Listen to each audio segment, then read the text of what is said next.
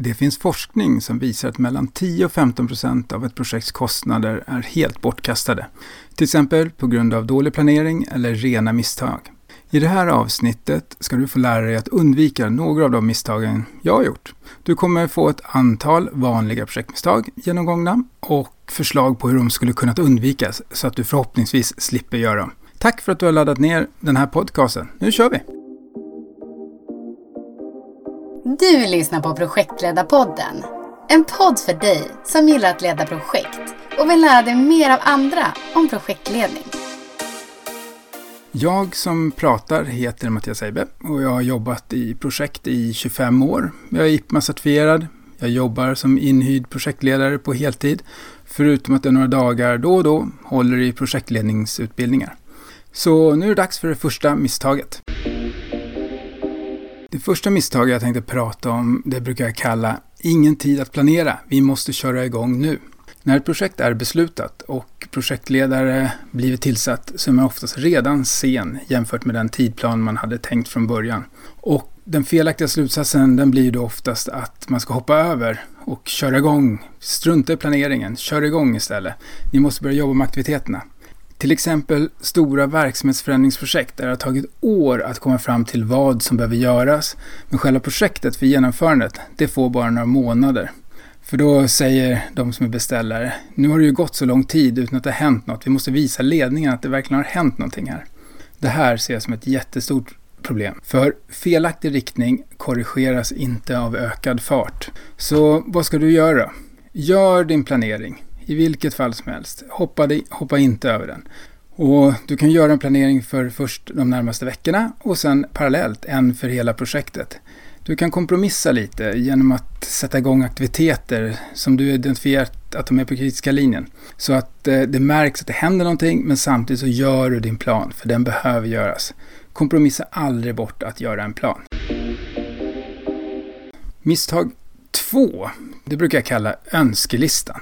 När ett projekt sätts igång så finns det något av en önskelista av allting som projektet ska lösa. Det kan vara vid verksamhetsförbättringsprojekt så har man de senaste åren sagt ja men vi ska tillsätta projekt X och de kommer nog ta det här. Och allt det här har märkts löses i projekt X.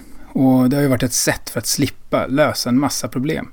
Men det kommer inte lösas av ett och samma projekt. Exempel på det här är troligen storbankerna, SE-banken och Nordeas jättestora nedlagda projekt som de hade för ett antal år sedan. Där man försökte lösa för mycket på en gång. I de här projekten var det hundratals miljoner som sedan syntes som nedskrivningar i årsredovisningarna. Så vad ska man då göra åt det?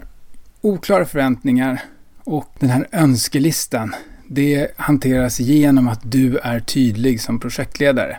Du behöver tala om vad som ska göras och vad som inte kommer göras. Och det är minst lika viktigt.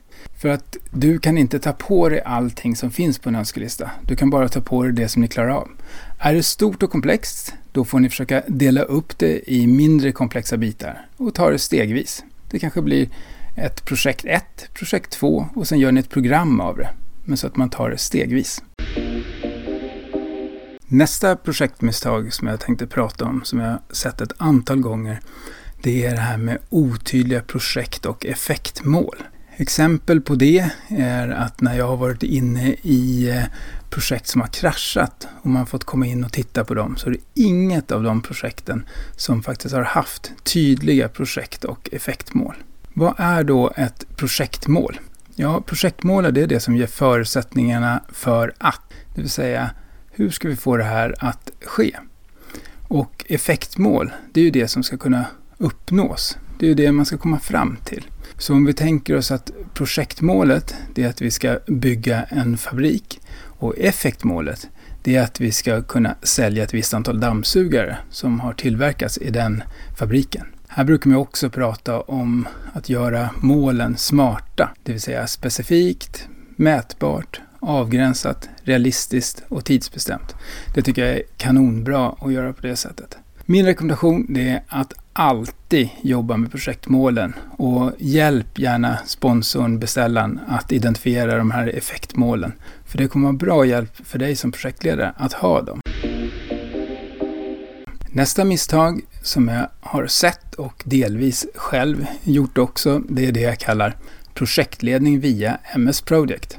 Som projektledare så kan det bli lätt att man blir uppslukad av något verktyg, till exempel MS Project. Och på något sätt så får man tron att bara man uppdaterar där så kommer det hända i verkligheten.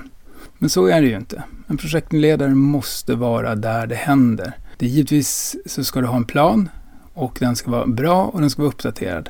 Men du kan inte lägga all din tid på den planen. Då har du gjort den för komplex eller har för lite tid för att jobba med det här. Så en projektledare behöver vara där det händer och delegera hellre administrationen kring projektplanen än att du prioriterar ner att vara ute i verkligheten.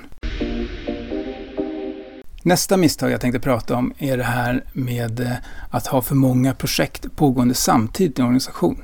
Det har jag sällan sett att det fungerar. Det är oerhört utmanande att ha kanske 20, 30, 40 projekt. Jag har sett ända upp till 100 projekt som pågår samtidigt hos en kommun. Att kunna ha ordning på alla de projekten, veta att projektledarna får det stöd och den hjälp de behöver är helt omöjligt. Mycket av tiden kommer att gå till avstämningar istället för att faktiskt jobba med själva projekten. Min rekommendation här är att se till att ha få projekt men genomföra dem eh, koncentrerat istället för att ha många små projekt som pågår samtidigt. Nästa misstag jag tänkte prata om är att man måste förstå beroenden mellan olika aktiviteter i projektet. Det här eh, inträffar ofta i ett projekt att någonting inträffar som får något annat att inte fungera och man har inte sett det innan. Det kan vara en router som inte blev installerad som den skulle, vilket gjorde det att det var några tester som inte kunde genomföras och det var det ingen som hade tänkt på. Det går inte att undvika det här helt, men jag brukar använda mig av en metod som heter nätplan. Och sen ritar man in en kritisk linje i den och det är där man har sitt fokus. Det här går jättebra att göra med gula notisar på en whiteboard och så drar man linjer emellan och så håller man koll på det här. Det kommer aldrig bli hundraprocentigt men det är i alla fall bättre än att inte ha koll alls. Att göra det här i MS Project går ju också bra, eller något annat projektverktyg. Dock tycker jag att det kan vara lite svårt att få överblick i en sån plan. Det kan bli lite bättre om man skriver ut, men för mig funkar det absolut bäst med en whiteboard och gula notisar och linjer emellan. Nästa misstag är att inte ha en projektmodell. Det tror man ju att alla företag har idag, att man har en projektmodell och det kanske man har på pappret. Det är ofta man kommer ut till ett företag och de säger att vi kör enligt Prins 2 eller vi kör props. Men när man sen börjar driva projektet då är det aldrig någon som har varit med om att ta ett Tollgate 2 eller något annat beslut och veta vad som ingår. För mig är det inte viktigt att man följer en projektmodell till punkt och pricka, men det är oerhört bra att ha en projektmodell. Utan den så vet man ju inte vad man beslutar och när. Vad ska vara framme och när ska vara framme. Skälet till att ha en projektmodell det är ju att man får all gammal kunskap från andra tidigare projekt och så kan man föra in det i ditt projekt. Jag rekommenderar verkligen att alltid använda en projektmodell och har ni ingen så kan ni använda en fri såsom Prince 2 till exempel. Det sista misstaget som jag tänkte prata om är det här med att agilt arbetssätt inte kräver någon plan. Även när man jobbar agilt så behöver man ha en plan. Man behöver veta vad man ska göra och när man ska göra. Det används ofta som skäl till att inte fundera innan och ha möjlighet att ändra sig när man vill. För man säger vi jobbar ju agilt, då kan vi ändra oss när vi vill. Men om man inte visste från början vad det var man ville göra, då blir det ju svårt att veta när man ändrar sig. Och det blir helt omöjligt för de som ska utveckla eller ta fram produkter om allting rör sig hela tiden. Så även vid ett agilt arbetssätt så behöver man veta vad man ska göra och när man ska göra det. Det var allt för det här avsnittet. Nästa avsnitt kommer om två veckor och då blir det en intressant intervju gällande OBM och projektledning. Du kan hjälpa igång den här podden genom att betygsätta den på iTunes och tipsa gärna andra. Hej då! Tack för att du har lyssnat på Projektledarpodden. Hör gärna av dig till oss med idéer, tips och förbättringsförslag. Det gör du enklast via mail på lyssnare snabel projektledarpodden.se eller vid det sociala nätverk du föredrar.